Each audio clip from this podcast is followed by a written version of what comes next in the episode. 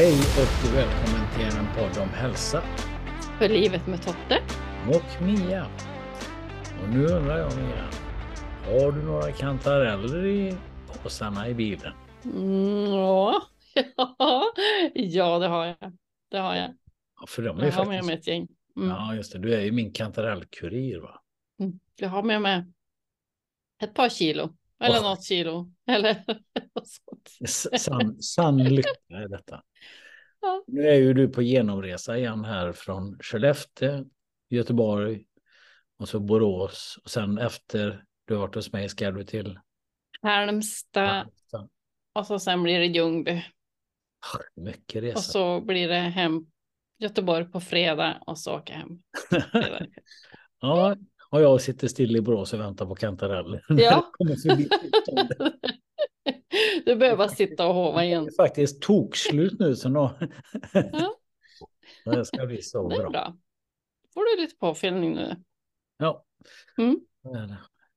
får du subventionera lite så att du sparar ett tag. Ja, det är så gott på mitt eh, det här nybakade brödet jag äter varje lördag. Så bara... Och så tar jag lite crème fraîche och har tagit nu lite lök och så lite vitlök och så bara gör en röra av det och så lägger det på mackan. Mm. Nybakat eh, Mm. från Maxi gott. bageriet. Ja, det är så gott. Det, Ja, det är så. så nej, Annars så är det bra med, med dig. Ja, det tycker jag. Har du, det fastnat, är. tänker, har du fastnat för någon? Vi, vi är ju både cineis... cineis vi kollar ju mycket film och serier. Det var jag så trött. Mm, Jag har precis haft en intervju med en kille här som vi snart ska presentera. Eh, Men precis. någon serie som du kan rekommendera? Eller film? Mm, vad har jag sett nu? Nu har jag ju sett mycket, men eh, vad kan vi säga? Eh, vad hette det? På Netflix, det, det sista ljuset. Jag har det den här andra världskriget. eh, Precis. Ja, jag har inte kollat på den än. Den var bra.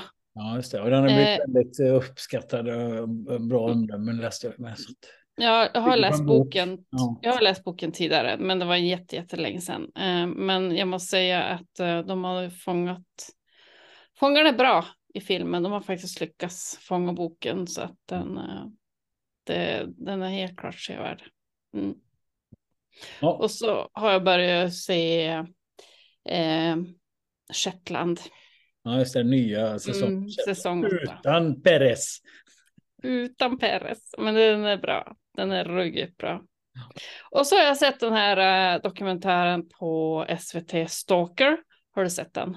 Alla pratar om den, så jag började faktiskt kolla på den tio minuter på gymmet när jag stod på bandet och eh, en kvart kanske jag kollade på den så att jag ska nog fortsätta. Jag blir lite hooked också då. Mm. Jag har hört det från så många olika håll. Intagna på fängelset. Jag pratade med, har du sett den här Stalker? Och sen kom Mm. jag på gymmet i morse så träffade jag en polare där. Då. Har du sett den där Stalker? Vad helvete vad alla tjatar om den här Stalker.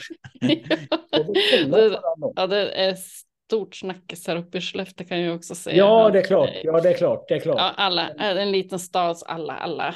Och det är ju den här, vad heter han, Felix? Det handlar. Felix, och, Ja. precis. Han är ju samma ålder som, eh, som min dotter.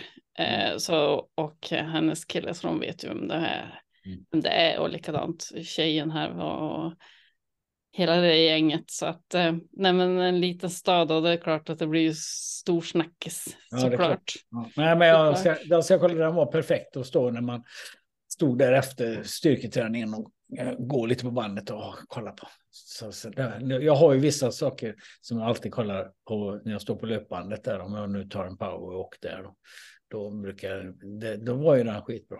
Perfekt. Så Mm. jag fortsätter jag med. så jag ska se. Mm. Mm. Mm. Jag se. Men du, eh, vi ska inte köta sönder det här nu. Nej. Vi har ju en väldigt spännande gäst idag som eh, vi har läst hans böcker eller lyssnat på dem. Det är ju samma, för oss är det ju shit the same. Mm.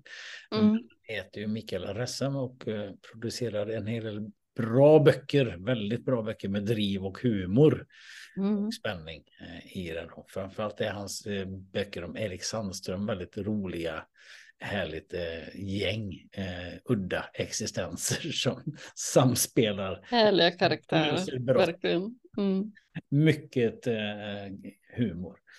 Eh, så, så att, ja, men, och han har ju också då skrivit en bok om sin eh, diagnos ADHD och jag tycker den är fantastiskt bra bok. Eh, om man nu vill ha en personlig infallsvinkel berättelse om hur han har upplevt, vilka problem han har stött på och hur han hittade sin lösning. Och mm. hur det livet är idag. Mm. Så vill man ha liksom den här personliga berättelsen om ADHD på ett väldigt välskrivet, välformulerat sätt så tycker jag ni ska lyssna på Mikael Ressem ADHD på högvarv tror jag han heter. Precis. Mm, verkligen lyssna. Ja, vi bjuder in honom. Ja, det gör vi. Hej Mikael Ressem och välkommen till vår podd. Tack snälla, kul att vara med. Ja, jätteroligt att du ville vara med och jag tänkte ju bara du får ju helt enkelt bara börja berätta med vem är du och vad pysslar du med och varför är du med idag?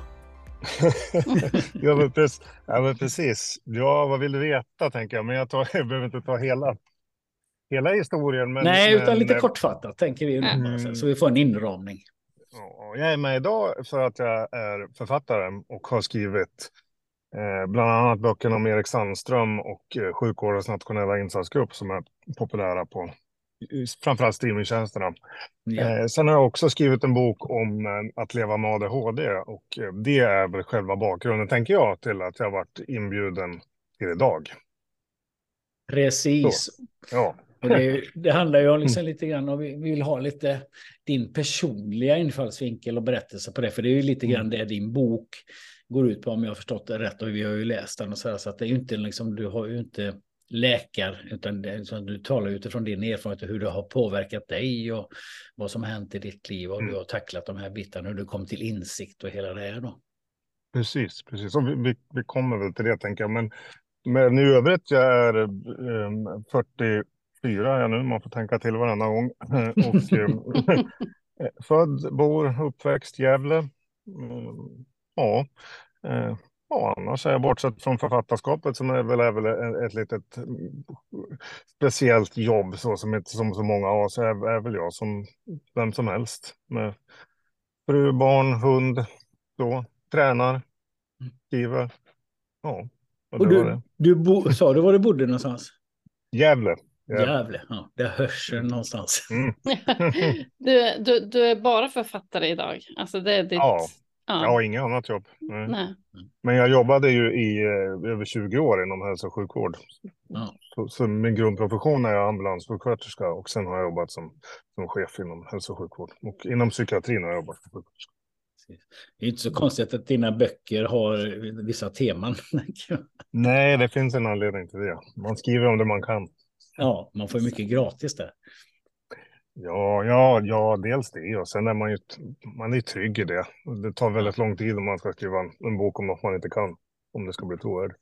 Så, så jag tänker just den här boken då, om man bara börjar med den, hur kommer det sig att du skrev den boken om ADHD?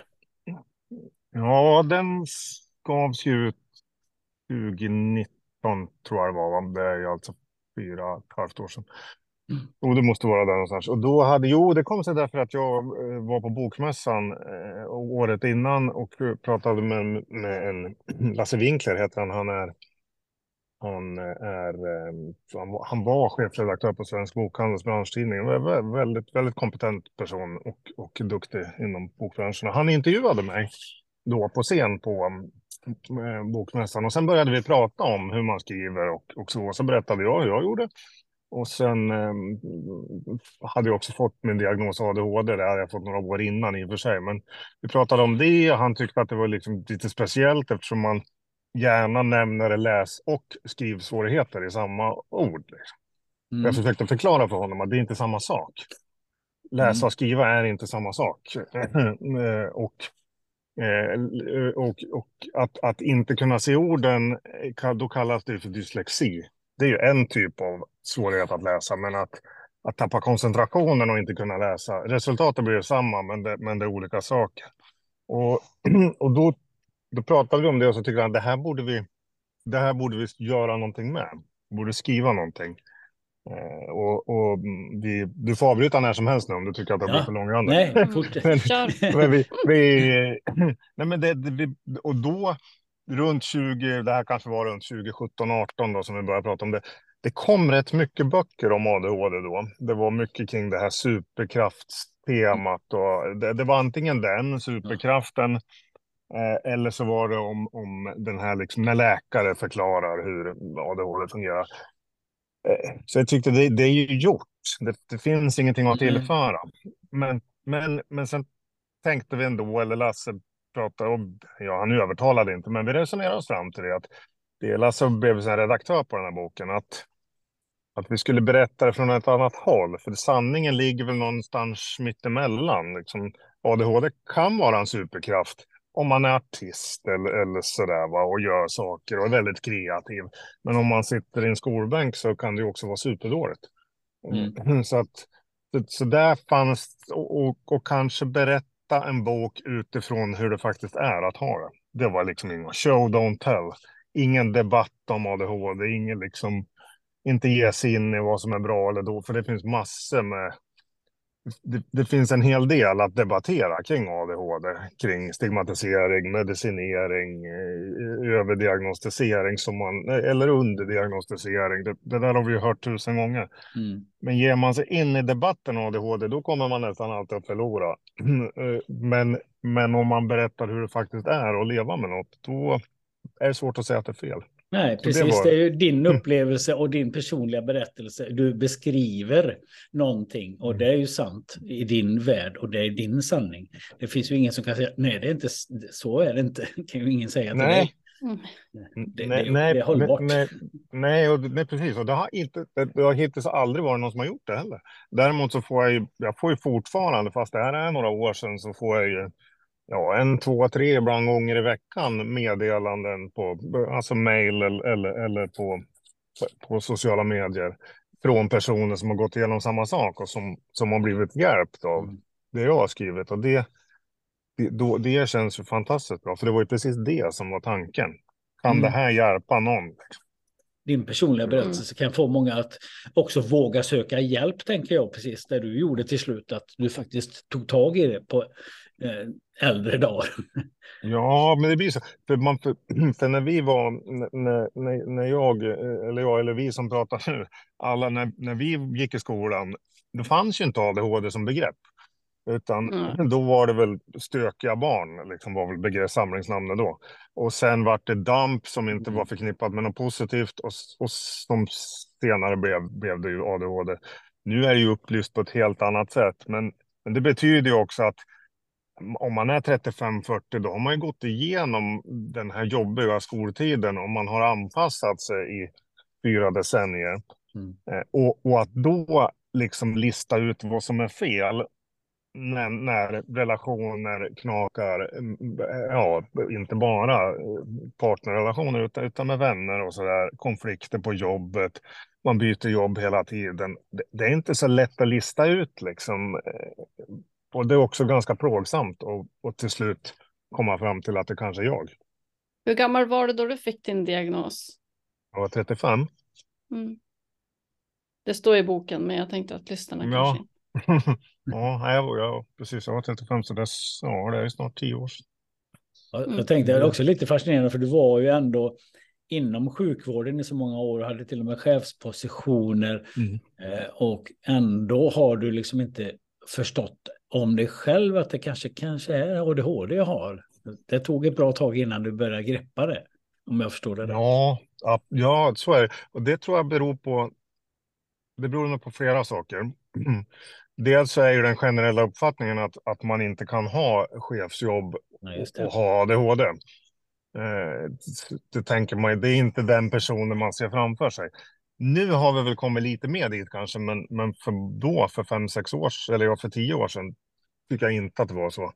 Så, så det var ju så, så fort man pratar med någon om det så var det svaret att det, så kan det inte vara.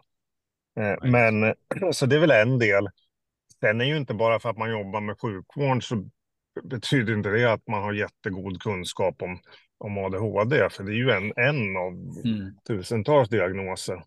Eh, och, och sen har man ju en annan faktor också. Det, det är väldigt sällan man som 35-åring upplever att, att det är att man faktiskt har så stora problem. ADHD är ju i allra högsta grad en omgivningens problem. Ja, just det. det, brukar ju drabba, det, det, fungerar ju därför att någon annan, oftast en fru eller flickvän eller en mamma, sköter allt det där åt en som man inte klarar av. Och så framstår det som att det fungerar rätt hyggligt. Men, men det är de som kan jag tycka far lite illa av det. Skulle man kunna kalla det för någon slags medberoende? Ja, ja jag förstår vad du menar, men jag, jag förstår vad du menar. Mm. Eh, kanske mer meddrabbande då. Med, ja, precis. Jag tänker, vi, vi är ju nyktra alkoholister och då, de som har varit i våran närhet har ju många gånger fått anpassa sitt liv och då kallar man det medberoende. Mm. Men det är ju ett beroendeproblematik och, och mm. alkoholism är ju också en psykisk diagnos förvisso. ja, men det, det, de jag... i omgivningen drabbas ju på något sätt alltid. Ja. Det är väl det egentligen som är den gemensamma. Och nu tycker jag, ska jag vara ärlig, eh, tänk, tycker inte jag att just medberoende är ju jag tycker, inte, jag tycker faktiskt inte att det är ett bra begrepp. Nu kanske jag ger mig ut på har is, men jag säger vad jag tycker. Mm. Jag tycker att det är lite, lite förlegat och det, det, är också, det blir någonstans ett skuldbeläggande på, på en anhörig. Som, eh, det enda man har gjort är att försökt få ihop livet för att en mm. annan person har en sjukdom. Ett medberoende indikerar, alla vet vi vad det betyder, men men det används ju ofta på ett icke-positivt sätt. Hon är som, eller han är som medberoende och därför att. Det är sällan man säger det som liksom i den allmänna termerna kan man säga som i behandling så, här, så handlar ju medberoende om att de personerna behöver också hjälp att ta sig ur och få hjälp. Liksom att det här är ju någonting som man har anpassat sitt liv i så många år efter någon mm. och dansat efter. Man, ibland kallar man för någon slags djävuldans. Att man hela tiden anpassar sitt eget liv mm. eh, och då måste man ju också ha hjälp. Men när, det, när den andra personen sedan börjar tillfriskna eller så, här, så, så blir ju den andres liv också på något sätt. Ja, men vem mm. är jag nu mitt i allt det här? Att man båda måste ha någon slags eh, hjälp men, i det här. Mm, ja, men på så vis har det nog, har nog en poäng och, och inom sjukvården är ju ett viktigt begrepp. Eh, men i allmänhet så är det väl lika mycket okunskap där som inom ja. annan psykiatri. Men, men där, det, kan, det är ju en vinkel som man aldrig pratar om. Det vill säga att om, man, om en 35-årig person börjar medicinera sig så förändras rollerna. Därför att man inte, man, man kan helt plötsligt betala sina egna räkningar och man hittar nycklarna och mm. man, man, man, man fixar ju liksom, det, det, blir en annan dynamik. Man behöver inte eh, assistenten längre. Liksom. Och, och det där, det har jag liksom inte, jag har inte pratat så mycket med min, eller inget kanske om, men min, min fru upplever att det är ett mycket bättre liv. Men jag vet ju andra relationer där det, där det faktiskt inte har blivit något bra av den anledningen. Så att, Nej, och jag har jobbat mycket med beroendeproblematik och ser ju att det kan, då kan nästan förhållandet krascha för att det, det blir någon slags vilsenhet som uppstår där, identitetslöshet och man, man bara den som är mm. beroende mm. som får hjälp och den andra lämnas vind för våg och det är det som blir ett problem. Ja, uh, ja, ja precis. Och det, det kan man ju förstå om det är två föräldrar som har eller en eller två som, som har stöttat och tagit hand om ett missbrukande ungdom och sen blir barnet friskt då, då, då uppstår nog en sorts inre kris. Vad, vad ska vi göra? Vad ska vi prata om? Ja. Man får en massa tid liksom. Det blir ett ja. tomrum. Men det är ju inget mm. konstigt med det. Det är ju liksom bara Nej. att man förstår det. Då vet man, då kan man också göra någonting mm. åt det. Att, men det är så här vi fungerar. Mm. Vi har levt i ett visst mönster.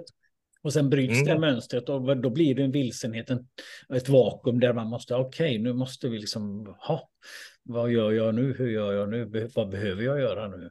Så. Mm. Men, mm. men när, när jag skulle säga att det var första gången du kom till insikt att eh, ja, men det här funkar inte, det funkar jättedåligt, eh, den här delen av mitt liv, de, de funkar inte. När, när kom du till insikt om det?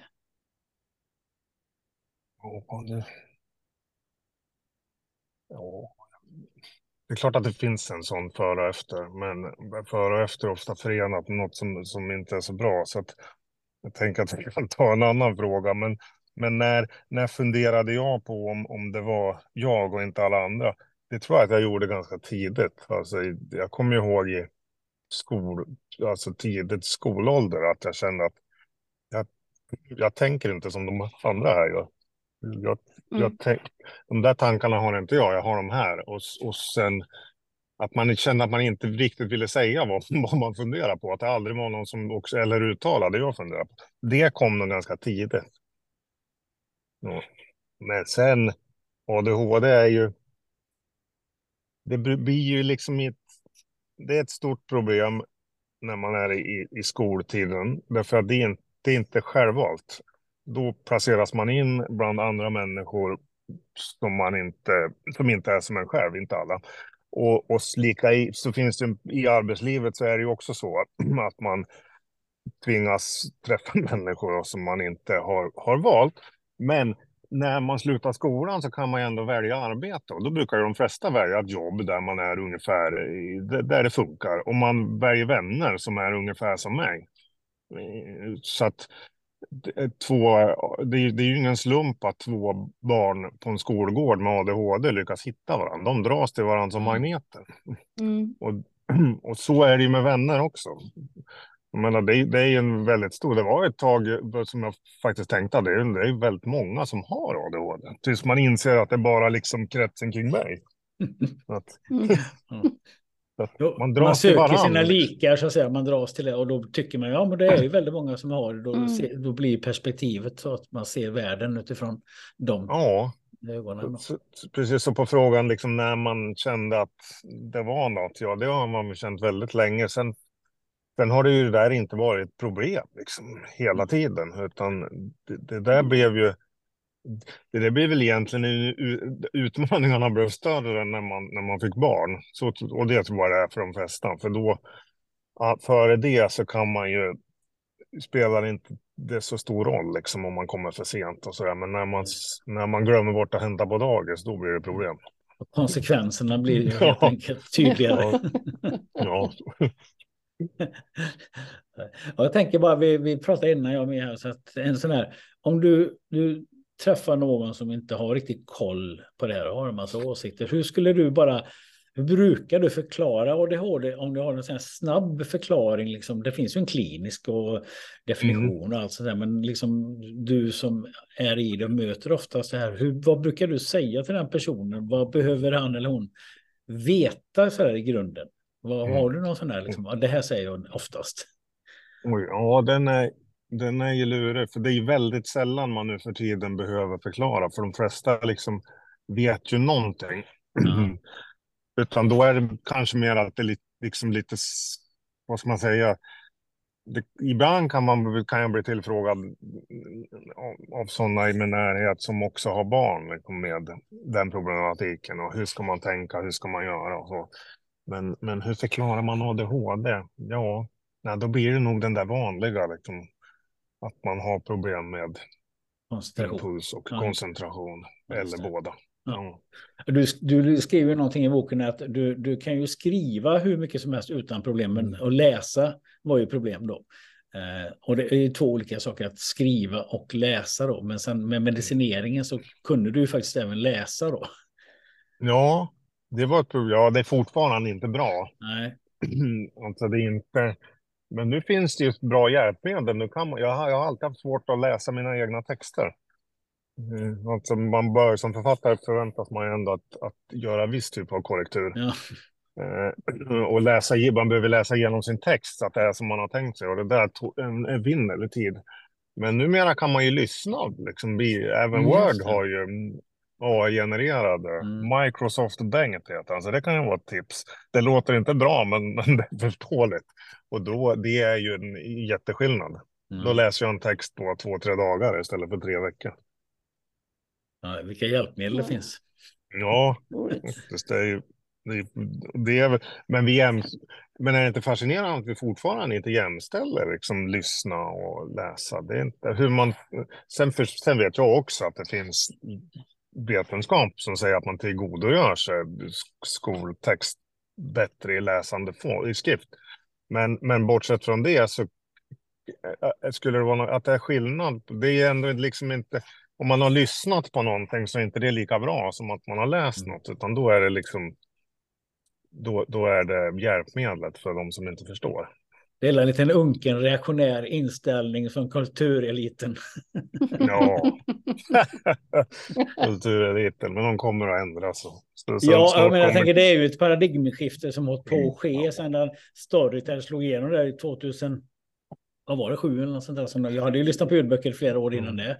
Det var för att jag reste mycket på, satt på bussen och eh, hade lite, folk börjat få lite dålig syn och så jag tyckte det var jobbigt att läsa. Så när jag började lyssna på böcker så hookade jag ju helt på ljudböcker. Idag läser jag, jag har läst, innan det så har jag läst tonvis med böcker och älskat läsandet. Medan jag sen upptäckt det fantastiska att man kan göra så mycket under tiden man lyssnar på en bok. Så kan jag träna, jag kan gå ut och promenera, jag kan städa, all, jag kan lyssna samtidigt. Mm. Det ja, det är precis så. Sen är ju inte det är en man, en, en bok är om, även om du skulle läsa en bok och jag skulle lyssna på den så kommer vi att ha, vi, vi kommer ju, vi kommer ju ha hört och läst samma sak. Ja, det är, det är samma precis, sak. Det är samma mm. text. Det är samma sak. Mm. Mm. Sen idag är det ju, nu ska vi inte komma in på det med den här ibland infekterade diskussionen om inläsare. Ja, ja. Som ja. kan gå höga vågor ibland. Ja, vilken inläsare läser. som man inte klarar av och så vidare. Mm. Men det har ju, visst har det en, en effekt, liksom vilken inläsare man har, för den dramatiserar ju en text också.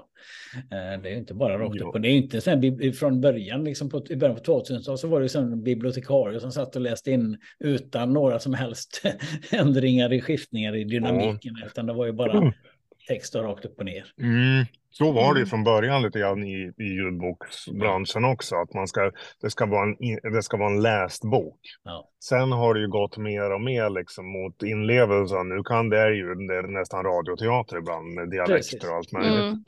Mm. Men jag såg nu att Storytel kommer med något nytt. Man kunde välja inläsare. Eller Ja, AI. AI, ja, ja, precis. Ja, precis. Ja, det där är ju en het diskussion. Det har inte slagit igenom, men Nej. Personligen tror jag att, att de kanske löser ett problem som ingen behöver. För det är ingen som efterfrågar det.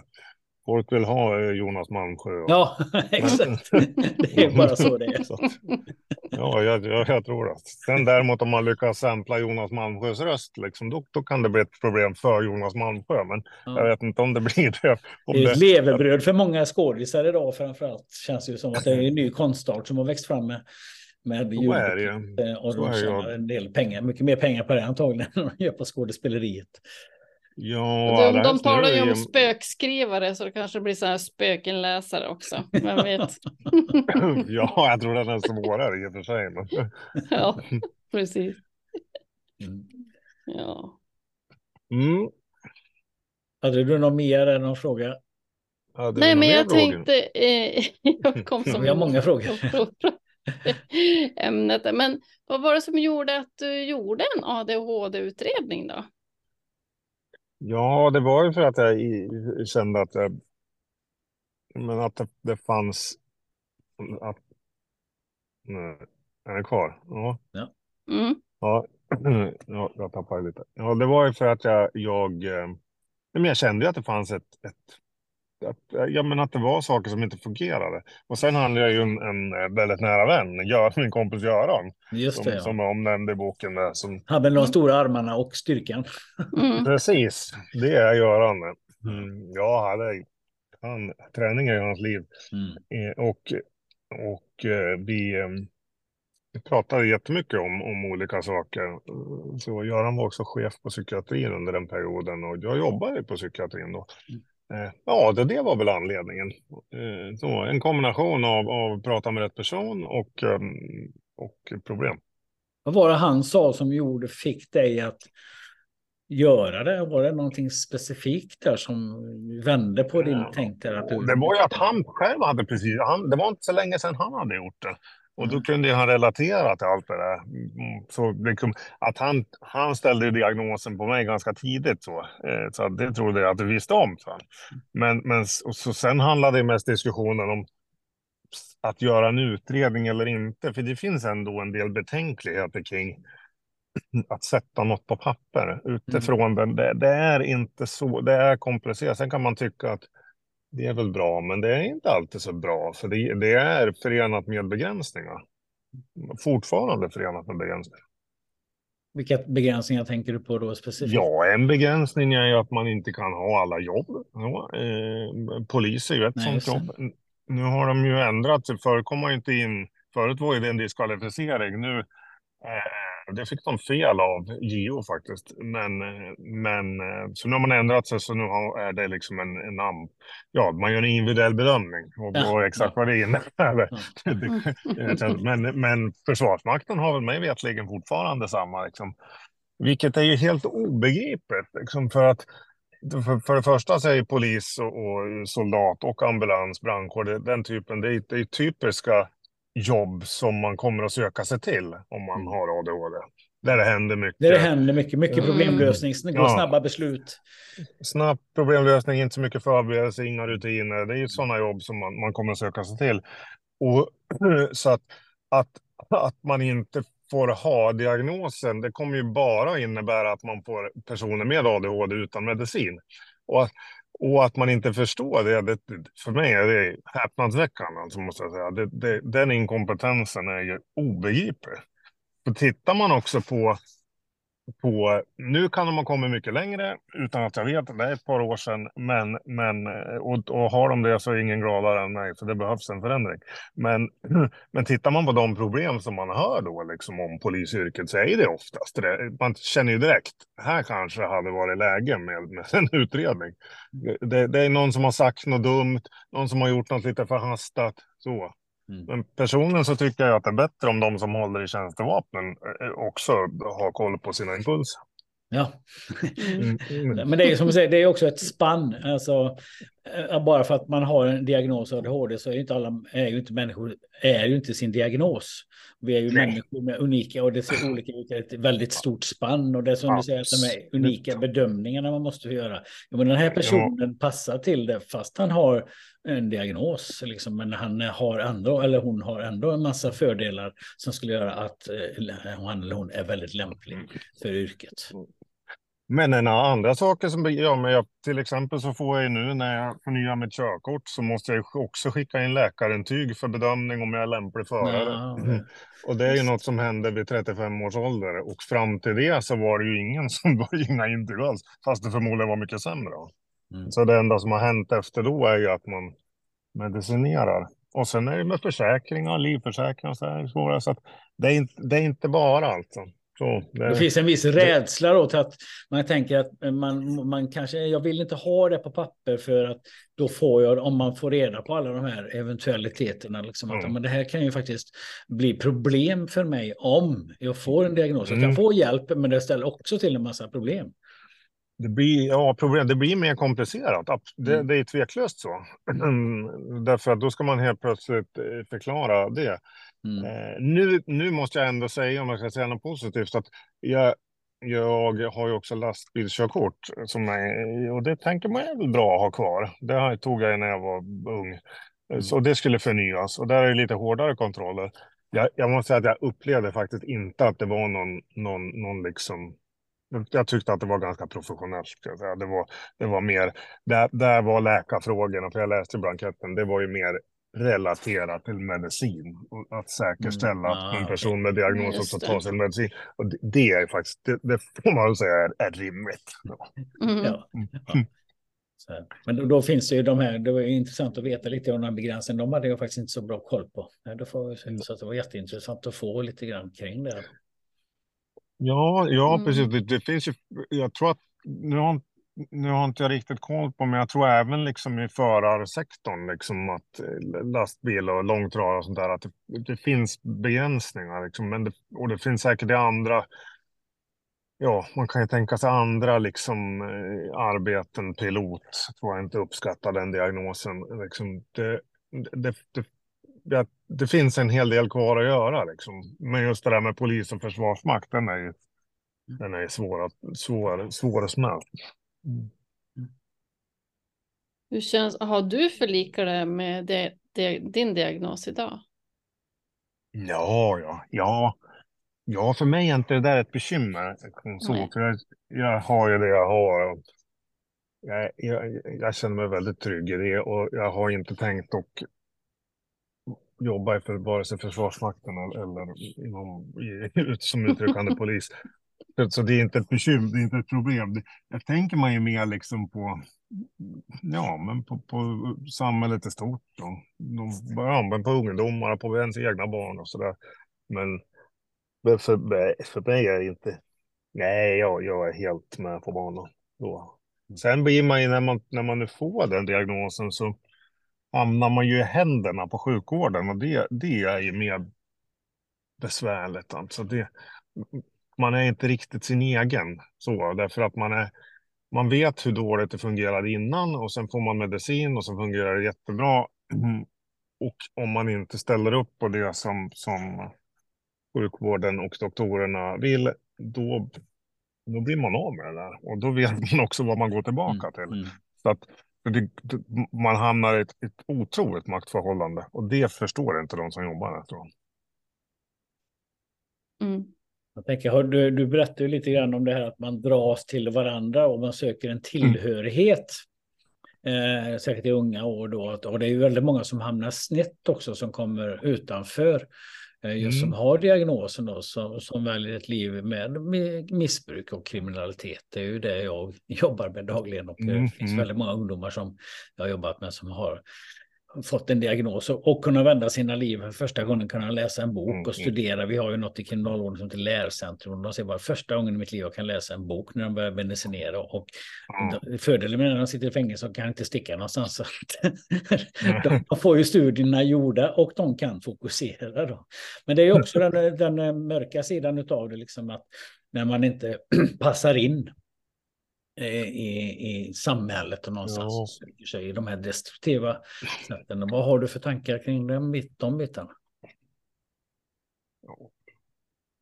Jag, tänk, jag, tänker att det är um, komplext, ett ord som man använder, men, men um, alltså de flesta med ADHD sitter ju inte på kåken, utan de flesta har ju, har ju fungerande men, men icke-optimala liv. Ja. Eh, så, de har det, det, i begreppet ordnade förhållanden som de flesta med ADHD har, ska jag säga, där, det, det är ju ett ganska lågt ställt krav. Liksom. Eh, det innebär egentligen att man har eh, förhållande med någon eh, mer än ett tag och, och har barn. Det, det, det, fixar ju ändå de flesta och har mm. ett jobb. Liksom. Sen, så att mm, de flesta med ADHD är ju ändå inte de som hamnar snett. Sen finns det de som hamnar snett som har ADHD. Det är ju det är mycket möjligt att, ja, utan siffror så är det, det är sannolikt att, att många, att, att en hög grad av de som har hamnat snett som också har ADHD. Mm. Men ADHD är inte hela problematiken liksom, mm. i det, utan det finns andra delar i det. Det finns ofta det sociala skyddsnätet eh, det svajar. Det, man har inga eh, förebilder, man har ingen som bryr sig hemma. Eller man, man, det är någon annan anknytningshistoria som gör att man då söker sig till. Jag har ju haft ganska besvärliga uppväxtförhållanden, så, men, men det har aldrig varit någon, liksom, det har aldrig saknats kärlek. Det har aldrig varit någon fråga när man ska svänga höger eller vänster. Liksom. Utan det, så att jag tror att det, det man, då, ja. Vad, vad tänker du? Du har jobbat i kriminalvården och sett det här. Hur, du har, ditt svar är lika, det är jätteintressant. Hur, hur går dina tankar i, i det? Nej, jag, jag säger så att det är, precis, det är väldigt viktig poäng du gör här, tänker jag. att Det är ju inte så att alla som har, eller väldigt många som har ADHD hamnar i fängelse, så är det inte, utan det är ju de här riskfaktorerna runt omkring som gör liksom uppväxtmiljö, alltså stödjande faktorer runt omkring och allt det här som, som har, liksom, ja, har du en, en viss gen eller en viss diagnos så kan du utveckla vissa riskabla eh, livsstilar och mönster så att säga. Du söker en spänning, kickar och har svårt med impulser och har kanske inte en omgivning som eh, kan få dig att komma på rätta vägar så att säga. Och får kanske inte så mycket kärlek heller. Eh, som du sa, man får stöttande miljö. Och då, mm. Men de som är i kriminalvården räknar man ju ganska hög om man tänker på populationen i sig så är det ju så statistiskt att det är väldigt många som har en diagnos. Eh, så, men det handlar ju om de här andra faktorerna. Det innebär ju inte att de, att de flesta som har ADHD hamnar där. Men de som Nej. är det har det. Och det är ju en skillnad däremellan då. Eh, och när jag sitter i behandling med dem, jag har ju haft eh, personer då som börjat sin, på, påbörjat sin medicin och då gör vi kognitiva interventioner och det är svårt för dem att hänga med och hålla fokus och då får jag ju anpassa mig. Då får vi ta lite pauser, vi får gå och liksom göra lite, lite kanske något fysiska övningar nästan ibland. Och, Alltså, att man får hela tiden se, liksom, okej, okay, var är du nu här och hur ska vi hantera det här? Sen kommer medicineringen in och det har jag kunnat se. Plötsligt kan personen sitta still och fokusera och hänga med och hänga med i den röda tråden mycket längre. Och det blir så tydligt för mig i behandlingsrummet att wow, vad häftigt. Och liksom, det är verkligen hur medicinering faktiskt kan hjälpa till här. Så mm. att, eh, jag ser ju sådana fördelar med det. Och de, där är det ju många att de får för första gången ordning på sitt liv och kan mm. börja plugga då, och med medicinering också, börja få lite verktyg med i mm. behandling. Och sen få liksom, ja, då har man ju allting på plats och eh, sannolikheten ökar ju att det kan gå bra för dem också. Men det här skulle kunna ha skett så mycket tidigare med rätt insatser. Mm, det är det eh, som gått väldigt långt när de kommer till kriminalvården, oftast kanske många år i, i, i någon slags kriminalitet och missbruk. Och det är inte lätt att vända livet heller då man har bränt många broar på vägen. Ja, det är det som är, är, är inte det som är liksom den springande punkten. Att om man börjar med det där i i, i grundskoleåldern, liksom, då, då får man inte med sig den utbildning man ska ha. Då blir uppförsbacken ganska stor liksom, när man är 23 och ja. får, en, kan koncentrera sig. För då ska man, det är så mycket man ska ta igen då. Ja, du hamnat i, Många har ju hamnat i ett gravt missbruk liksom, då, och det har ju varit mm. medicineringen. För att med amfetamin säger ju många då att ja, men då, jag, jag, jag känner mig liksom lugn. Då. Och det är ju det, ja. centralstimulerande har ju normalt sett motsatt effekt för, på en som har, icke mm. har diagnosen. Då. Man blir ju uppåt medans man, mm. Eh, och det är ju de här medicineringen, medicinen som finns där har ju de eh, centralstimulerande effekterna och det har ju den effekten mm. att man istället kan fokusera. Ja, så, så är det. Det trycker undan adrenalin. Ja. Men och så brukar de ju säga, de, jag har ju också träffat de personer, många i, inom sjukvården, eh, där att, att man inte, att, att de inte jag tog aldrig amfetamin för att gå ut och festa, utan det, det var för att kunna läsa tidningen. Mm. Mm. Man blev lugn man blir normal. Ja. Ja, och det är ju det som är medicin. Sen blir ju det överdosering då givetvis. För det blir ju ett missbruk och ett beroende och allting. Och så, så, ja, så. sen är de ju helt plötsligt i en krets där de, de för måste begå ett brott för att få tag på ett ja, amfetamin. och då hamnar man i fel sällskap och det finns andra droger och sen är det ju i alla hav stormar. Ja, och så lever man det blir ju som en spiral åt, nedåt hela ja, tiden. Ja, ja, det finns ingen bra faktiskt i att ta amfetamin, även om det är i, i det syftet. Nej, ja, men man, det fyller ju en funktion. Det är som att säga, jag brukar alltid tala med alla klienter att vad vi än gör, oavsett vad, varför vi gör som vi gör, det, det är ju för att det fyller en funktion här och just nu. Eh, det kortsiktiga, den omedelbara belöningen och eh, jag söker liksom den här kicken, fixen just nu. Alltså, mm. det, det, är det att det fyller den funktionen och det är på lång sikt är det ju oftast förödande, men det är ju den fyller funktion för stunden och då faller man ju för det där och då hamnar mm, man oftast ja, ja. i kanske snett på lång sikt. Och, och, det gör vi alla. Det gör vi alla. Men, mm. men de flesta nöjer sig med, med kaffe och chips och, och pilsner. och så kanske inte, så kanske inte hur mycket som helst heller, utan man har nej, en nej, det finns någon sorts... Uh, nej, men jag tänker, du, du, du, har, du skriver lite i boken här om att du hade en känsla av otillräcklighet många gånger också. På hur, hur tänker du kring vad, hur kändes det liksom under hur uttrycker det sig? Din otillräcklighetskänsla. Jag vet faktiskt inte om jag ska vara ärlig. Det var så länge sedan jag skrev det där, så jag kommer inte ihåg riktigt sammanhanget. I vad jag skrev, men, men jag kan, jag kan hitta på något förstås, men jag skulle vilja hitta, hitta sammanhanget som jag skrev det. Så det är svårt att säga exakt vad, det, vad jag menade då. Faktiskt. Ja. Du skrev ju också att man, du kände dig annorlunda. Ja, ja, ja, så är det. Och, ja. och även rädd att bli som alla andra, inte bli liksom som Svenssons typ då. Mm. Eh, om de fanns någonstans i rädsla där. Vad var det för, varför var det så, tror du? Man känns annorlunda när jag var liten, tänker jag. Mm. Ja, att du, du har känt dig annorlunda och rädd att bli som andra. Mm. Ja, jag skriver det. Ja. ja. Eh, att jag känner mig annorlunda vet Just det, bli som andra. Ja, jag, Jag har ju givetvis skrivit det också, men, men jag minns inte riktigt sammanhanget. Men det där med annorlunda var ju, det var ju precis det jag sa tidigare om Mm. att man sitter och man, man, man tänker andra saker. Liksom. Man, man tänker i helt andra banor. Och, och det tror jag också är, det hänger, det hänger säkert ihop med min kreativitet också. Att, att det, man tänker på ett, ett, an, ett annat sätt. Ja. Så det är inte, det, det ja, så. Det passade inte in riktigt så att säga i, i mönstret. Nej, nej, nej, inte då. Så, men sen när jag träffade mina kompisar så gjorde jag det, för de var ju precis likadana. Ja, det var det jag tänkte Mm. att du sökte dig då till de Ja. likasinnade då. För att eh, du kände dig annorlunda och det blir som de andra som du inte ville vara med. Sen hittade du de Ja. som du ville vara med. Ja, ja men precis, och det blir så. Ja, ja och det, var, det är inget genomtänkt heller. Det, det tror jag händer för oss andra, alla, liksom Mm. att man söker sig till dem Ja. som, eller ja, man väljer att stanna, man träffar ju många och sen väljer man att, att det här som man kallar för kemi, det är väl Mm. precis det. Liksom. Mm. De som man tycker om, de är ju oftast väldigt lika. Man har, det är ju sällan liksom man, man. Om en gillar fotboll så hatar den andra sport och vill gå på opera. Det, det, det har jag svårt att se att den kompisrelationen skulle fungera. Utan det brukar inte vara så, utan då går man ju till slut träffar man att de också gillar fotboll eller opera. Ja, det var som när jag, när jag växte upp så var det hårdrockare eller syntare och det var ju de här Ja. liksom kategoriseringarna man, man sökte sig till då. Nu var jag både och då så att ja, men det fick jag ju inte säga i den ena gruppen. Så, ja. Sen Jag tänkte tänkte, vi, ja, finns det någon utmaning idag som du behöver jobba extra med på grund av din diagnos? Ja, herregud.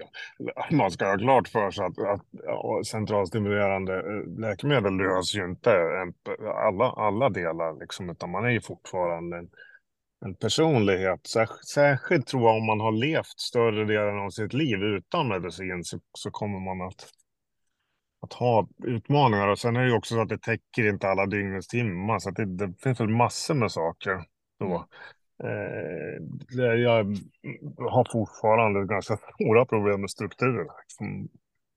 Att, men, eh, och det, man är ofta ganska slarvig med det man tycker är tråkigt. Ja. Man, så, att, så att man vill gärna ointresset kommer så då vill du liksom att nej, nu, nu är det inget Ja. kul heller och då är det Ja. lätt att... Ja, ja så, så är det. Så att, nej, så, ja, det, det, det finns massor. Som människa behöver man lära sig saker så länge man är människa. Ja, och det är, jag menar, man är inte sin diagnos, man är människa, man har ju alla sina egenheter och egenskaper Ja. som det tillhör diagnosen eller inte då, men det kan ju vara extra svårt för de som har diagnosen och eh, eh, då liksom att hantera vissa saker som hör ihop med diagnosen helt enkelt. Mm.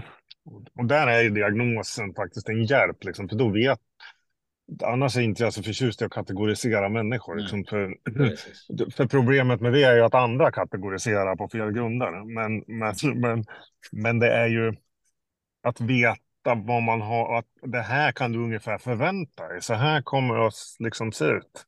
Mm. Det är lite som att jobba med, med beroende som vi pratade om. Att du, du har ett beroendesjukdom. Du, du, du kommer inte att kunna dricka någonsin igen. För då kommer det här att bli ett bekymmer. Mm. Det, det, vad kan man förvänta sig av det här? Den här och där hjälper ju liksom vetskapen av att du har ADHD som diagnos hjälper till. Då kommer du förmodligen att ha de här problemen. Och då brukar vi göra så här. Mm. Så, det hjälper liksom i hantering. För då man har ju problem med ungefär samma saker. Mm. Lägger nycklarna överallt och tappar bort saker.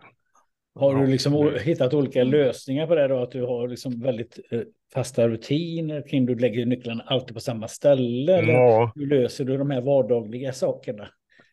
ja, det är väl tipset. Om man lägger nycklarna på samma ställe så kommer man att hitta dem. Eh, och eh, sen är det ju... Ja, men det är väl det. Är väl det. Man, det vet man ju liksom. Vilka tid, tid, passa tider är ju hopplöst.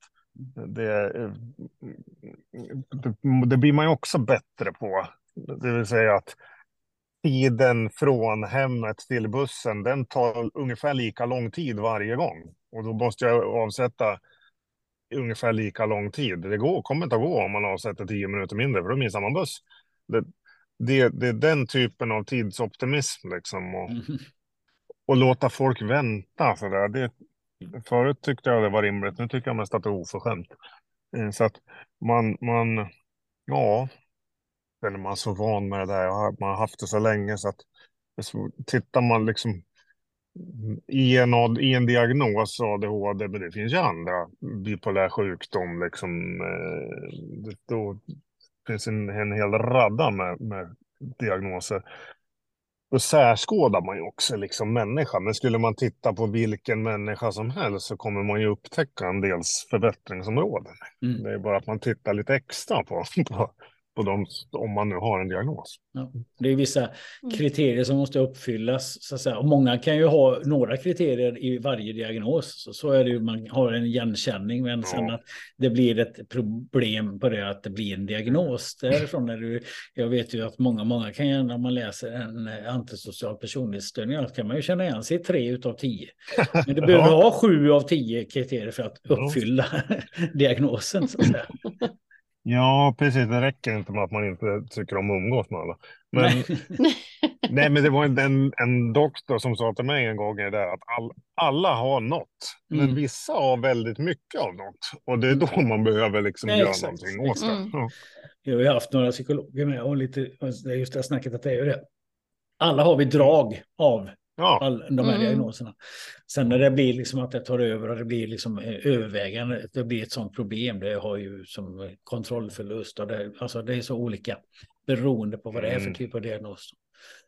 Så, sen är jag, jag, jag, jag, är ju också, sen är det ju hur, om, om ADHD har ökat eller om omgivningen har eh, gjort så att mm. ADHD syns mer, det är ju Eh, lite som att gå på minerad mark. Men, men, men jag, alltså min, min bild av det, om man nu ska tolka forskningen ändå, att vissa har lite mer adrenalinpåslag och är lite mer på tå, så är det nog ändå så. Jag tänker så att det, alltså människan har ju funnits i, i, i väldigt många miljoner år. Och, och, vi har ju, och hjärnan har ju varit ungefär likadan de sista 10 000 åren i alla fall. Och om man tittar på levernet som vi har nu så skiljer ju det sig enormt ifrån för hundra år sedan. Men drar vi då tillbaks det till för tusen år sedan. Då var ju de där personerna som var lite på tå och gick först i ledet, de var, de var bra att ha. Mm. Eh, och, och, men alla kan inte vara så, för de dog tidigt och de var ute och jagade björnar, så, om man nu ska generalisera. Men, men, men, men några behövde vara så. Och jag, och jag tror ändå att det, det ligger någonting i det. Mm, att då, det behövs inte längre på det sättet. Eh, men, men eh, för samhället behöver ingen som springer omkring med spjut. Men, men, men i, i viss mån behövs de. För att det, det behövs kreativitet för att komma vidare i alla fall. Liksom. Så att det finns en funktion, men, men man behöver få de personerna att anpassa sig mera liksom, mot samhället. För mig finns det någon rimlighet i det. Mm. Men jag tänkte, hur fungerar familj? Om, om vi tänker tillbaka så här, alltså innan du fick din diagnos, hur, kan du jämföra det som, hur fungerar familjelivet och yrkeslivet då, om du jämför med, mot idag? Sen jag fick min diagnos så bytte jag inte jobb. Sen jag fick ju den 2013, 14 någonstans där måste det ha varit. Och efter det så så hade jag samma jobb tills jag började skriva mina böcker. Före det så hade jag bytt jag säkert en gång i halvåret. Så det, det var ju en konkret förändring i alla fall. Att det mm. här mm. byta jobb och uppdrag och, och förändra tillvaron. Och det, det, det slutade i alla fall då med medicin. Det är väl det mest konkreta. Mm. Det blev lugnare. Lugnare. Och det blev lugnare. Ja, det blev lugnare på alla plan. Men, men, men det är ju någonting väldigt konkret. Mm. Mm. Nej, jag tänker att vi, vi har på snart en timme här och tänker, är det någonting ytterligare du känner att du skulle vilja förmedla kring det här med ADHD? Eh, hur man kan liksom vara en... Ja, har du några tankar kring som du skulle vilja få sagt mer kring ämnet? Som inte har tagit upp. inte direkt så, men, ja, men jag tänker väl kanske lite som det vi har pratat om, att det, det finns man måste förstå att det finns en stor samsjuklighet med beroende i olika former. Beroende i narkotika, beroende alkohol. Eh, det, det är ju jättevanligt om man tittar på odiagnostiserade personer. Det är fler med, med som hamnar där. Nu är ju alkohol är ju är, är ju, vad ska man säga, det tar ju ganska lång tid innan man blir beroende av, av mm. det. Men, men det är ju också väldigt ut, alltså en 50-årig person utan ADHD har ju, har ju väldigt of, ofta det, inte alltid ska jag säga, men det är ofta. Så till, den typen av bekymmer är ju också en signal på något annat. Liksom. Så det tror jag man ska vara vaksam över faktiskt. Att, att inte avfärda det som ett isolerat beroende utan, utan faktiskt leta efter, efter orsaken bakom det som, som gjorde att det kom sig. Mm, och, så, så, så, det, är väl, det är väl kanske det, att det sitter ihop. Liksom. Det hade mm. kunnat vara jag också. Det, det, blev inte så nu, men det hade lika gärna kunnat vara så. Liksom. Det, det tror jag, om det hade fått gått tillräckligt länge. Det var inte kanske alkohol, min, min, min drog, utan det var nog mer träning. Men, mm. men, men, men så att man försöker fylla tomrummet på något annat sätt. Mm. Mm. Det är olika symptom så att säga, som tar sig olika uttryck och det i grunden vad är orsaken till varför ja. man söker det här då med alkoholen eller ja. vad det är. Eh, det är någon tomhet och det är någon slags, eh, man söker, det är någonting som saknas. Eh, ett tomrum på något vis, någon, någonting som skaver. Ja, en oro liksom, svårt ja. att sova, ångest, inte vill vara själv. Det, det, finns ju massor med orsaker, men det är ju, det är ju, jag, det, det är i alla fall, nu har den här frågan har bättre koll på, på än mig, men, men jag, jag, jag har ju träffat många med de problemen också. Det, det känns ju nästan aldrig som att det är det är inte så att man kommer på att nu ska jag börja dricka så mycket jag kan, utan det beror ju på någonting och sen pågår det där lite för länge tills ja. man inte längre har något val. Mm. Det blir ju en bra mm. kortsiktig lösning för stunden och så, ja. sen blir det ju ett beroende i sig, ett, ett kemiskt mm. beroende och sen så blir det en bra lösning och den lösningen den ofta så slutar den ju inte utan man det är bara toleransnivåer ökar och allt annat händer runt konsekvens. Kontrollförlusten blir allt större och så vidare och så vidare och så vidare. Så här är man inne i ett beroende och kanske orsaken har, så att säga, det kan vara en ADHD i grunden, det kan vara något helt annat. Mm. Men det kan ta sig olika uttryck. Ja, nej, men jag känner mig nöjd. Tack för ett jättetrevligt samtal. Ja, och mm. eh, som sagt var, du spottar ju ut böcker som vi sa där innan. Hur många böcker har du skrivit nu? Bara en snabb eh, sammanlagt? Ja, den där frågan får jag ibland och den vet jag att jag borde kunna. Ja, men det är ju...